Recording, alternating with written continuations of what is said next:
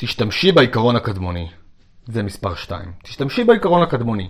ותראי לו הרבה חום, אהבה ונשיות. כמו שאמרנו קודם, הדבר האחד שיגרום לגבר להיות שמח יותר מכל דבר אחר זה שאת תהיי שמחה.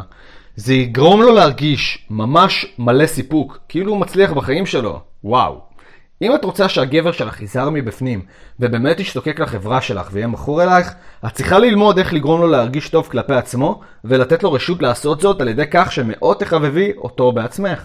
סקר אחרון שנערך על ידי מגזין בריאות גברי, נחשב, מצא ש-70% מהגברים חושבים שהמחמאות הרגילות הן חשובות בצורה לא רגילה, ולא רק שהן חשובות, אלא גם הן הכרחיות להרגשת השמחה והסיפוק שלהם במערכת היחסים. תגידי, את מכירה את ההרגשה ששמת את השמלה הכי יפה שלך, או ג'ינס חדש, והוא לא אומר לך כלום חוץ מ"את נראית נחמד"? ובכן, אצל גברים זה בדיוק אותו הדבר.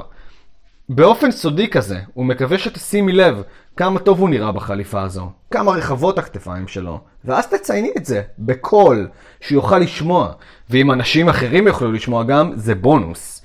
כולנו אוהבים שמחבבים אותנו, ואם את רוצה שהגבר שלך יעריץ אותך, אז תתחילי לבטא מה שאת אוהבת בו, והרבה. תגידי את זה בקול, תכתבי לו הערות, תשאירי לו תזכורת כתובה במשרד, תשתמשי במילים ותגידי לו מה גרם לך להתאהב בו, ולהמשיך להתאהב בו כל יום. תשתמשי בגוף שלך כדי להגיד את זה. תנשקי אותו בעדינות על הלחי שאת רואה אותו בבוקר. תמחצי את השריר שלו, תחבקי אותו, תלחשי לו דברים חמודים באוזן.